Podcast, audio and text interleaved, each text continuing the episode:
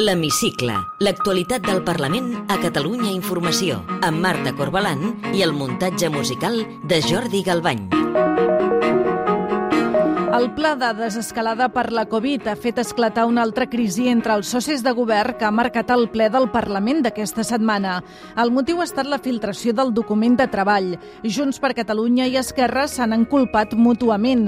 Amb el govern dividit per la gestió de la pandèmia, l'oposició en bloc ho ha aprofitat per furgar la ferida. L'enèsima crisi entre els socis arriba quan cada cop són més a prop les eleccions del 14 de febrer. Avui entrevistem la portaveu de Ciutadans al Parlament, Lorena Roldán. Benvinguts a l'Hemicicle. L'escalada de tensió entre Junts per Catalunya i Esquerra va provocar fins i tot que el vicepresident del govern, el republicà Pere Aragonès, s'aixequés abans d'hora de la reunió del comitè de crisi que havia d'acordar la flexibilització de les restriccions. Aragonès ha aprofitat el ple per mostrar el seu enuig. Considero absolutament lamentable i contrari a tota la feina que s'està fent, no només la interna del govern, que és la nostra obligació, sinó també a tot el que les notícies i les certeses que estan esperant la gent que vol reobrir el seu negoci, que es vegin filtrades esborranys, que són només esborranys, que s'estan eh, treballant internament al govern. I és absolutament lamentable i, per tant, el que tenim molt clar és que això no es pot tornar a produir. El president del grup republicà, Sergi Sabrià, no s'ha mossegat la llengua contra els seus socis de Junts per Catalunya i els ha acusat de servir interessos de sectors empresarials. Prou filtracions interessades per després sortir a fer-se l'ofès. Prou filtracions que el que fan és frustrar les mesures que s'estan posant sobre la taula. És el moment de la lleialtat. No podem tenir la sensació que hi ha gent que des del govern fa de lobby perquè no podem estar pendents només de defensar sectors concrets en lloc de fer de membres del govern de la Generalitat.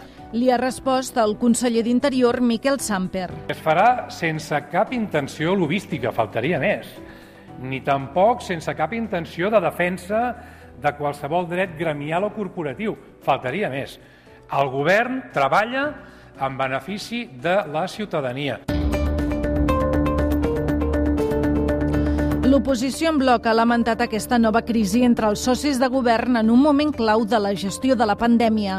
Escoltem el líder de Ciutadans, Carlos Carrizosa, Miquel Iceta del PSC, Jessica Albiach dels Comuns, el diputat de la CUP, Carles Riera, i Alejandro Fernández del Partit Popular. Han estado ustedes más centrados en las luchas partidistas del govern que en la lucha contra el coronavirus i la crisi econòmica. Els catalans i les catalanes no es mereixen aquest desgavell. Deixi'm que els digui, fa l'efecte que actua amb més responsabilitat l'oposició que el propi govern. Fins al 14 de febrer els demanem, si plau, responsabilitat. Estiguen a l'alçada de la gent. I també els deixa una altra reflexió. Pensin si el millor que poden oferir-li al país és repetir aquesta coalició a partir del 14 de febrer. Bé, és evident que som davant d'un govern en fallida i en caiguda lliure en descomposició.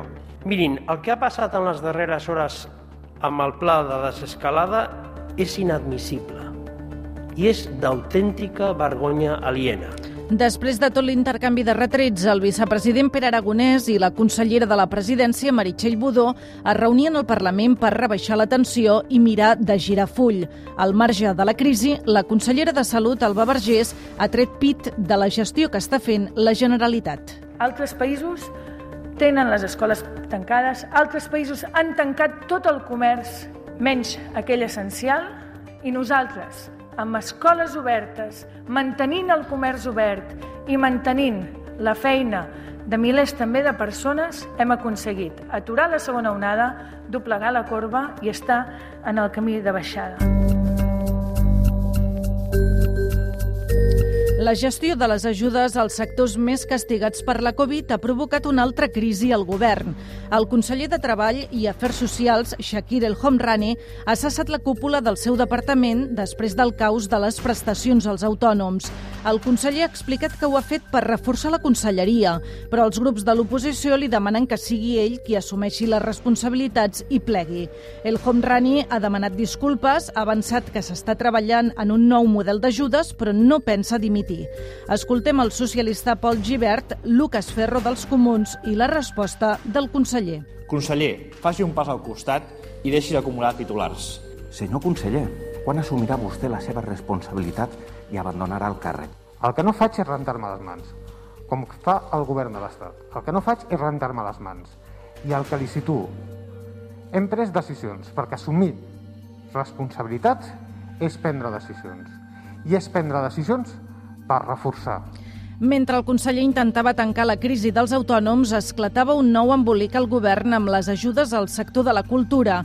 S'havien de començar a donar aquest dijous, però a última hora el Departament de Treball ha decidit aturar-les per repensar el model d'adjudicació, cosa que ha indignat el sector. En paral·lel, el conseller d'Empresa, Ramon Tremosa, ha avançat que la setmana que ve es posarà en marxa una nova convocatòria d'ajudes per a bars i restaurants que intentarà arribar al 100% del sector. Té la paraula. Hola, sóc la Lorena Roldán, portaveu de Ciutadans al Parlament de Catalunya. Gràcies per atendre'ns a l'hemicicle de Catalunya Informació. Aquesta setmana hem viscut una nova crisi entre Junts per Catalunya i Esquerra per la filtració del pla de desescalada de la Covid. Creu que algú hauria d'assumir responsabilitats polítiques?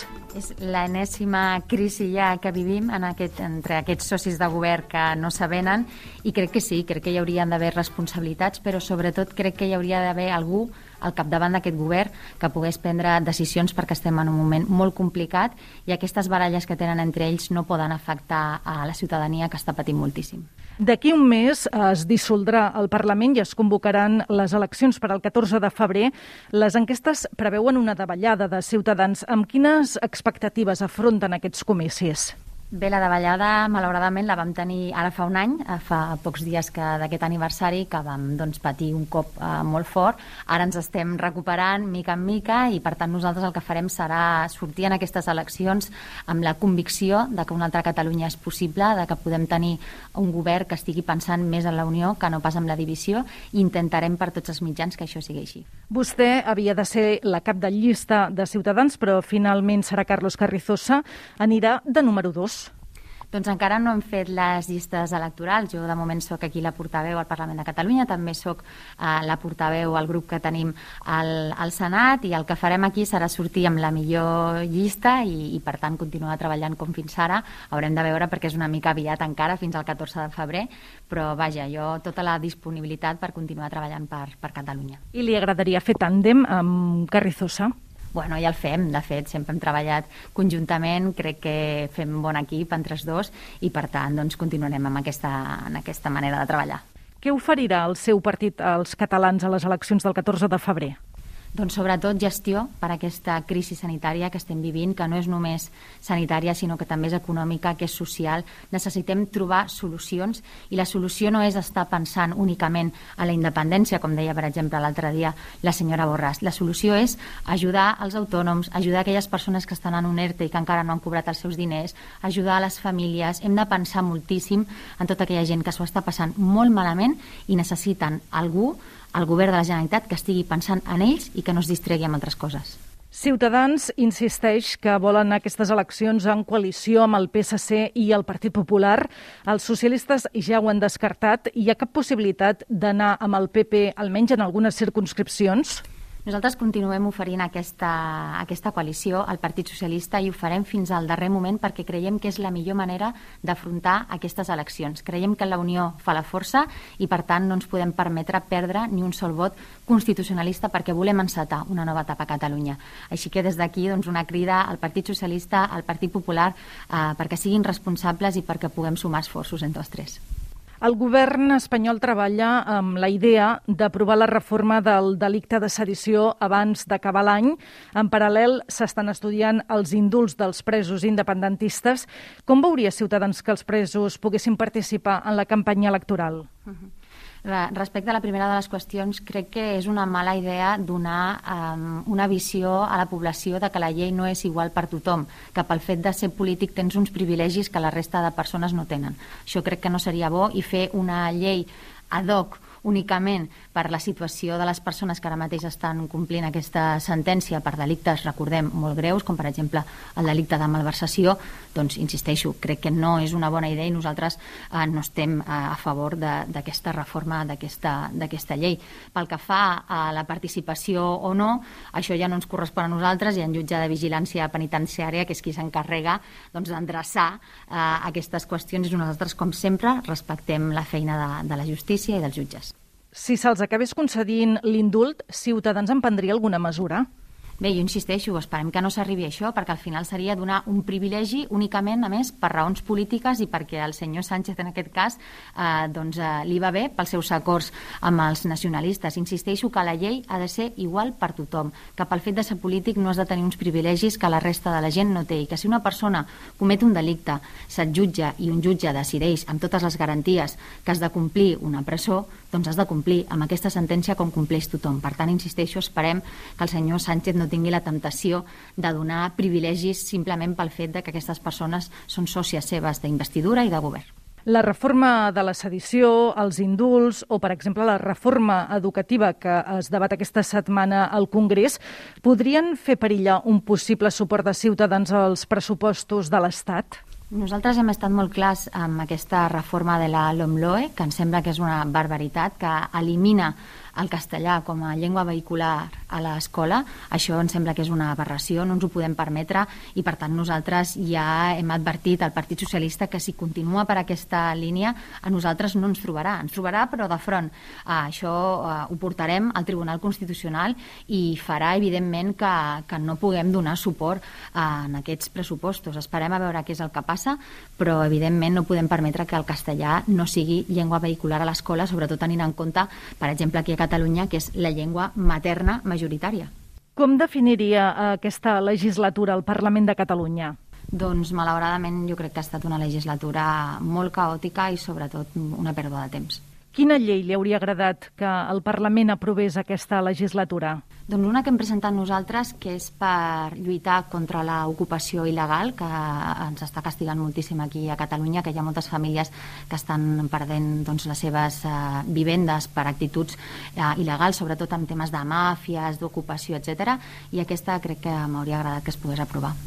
Creu que els diputats han de continuar cobrant dietes per desplaçament ara que el gruix de l'activitat del Parlament es fa de manera telemàtica? Bé, jo crec que s'ha de mirar cas per cas perquè hem continuat treballant, eh, tot i la pandèmia, fem treball també al territori, venim aquí al Parlament, jo per exemple eh, pràcticament en tots els plens, tot i que és un grup eh, reduït, però estem aquí treballant al despatx, estem al ple i per tant s'hauria de mirar cas per cas, evidentment.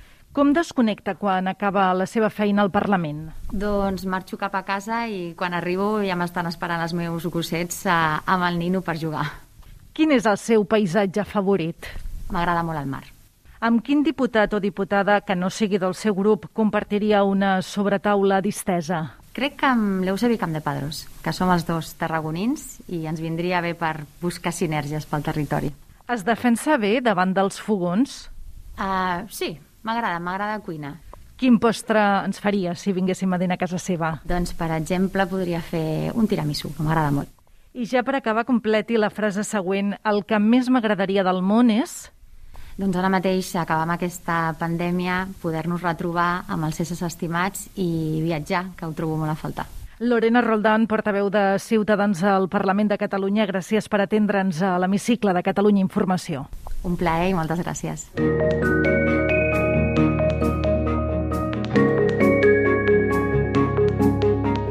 Tornar a escoltar l'Hemicicle al web catradio.cat barra hemicicle o al podcast del programa i seguir l'actualitat del Parlament al perfil de Twitter arroba L-hemicicle.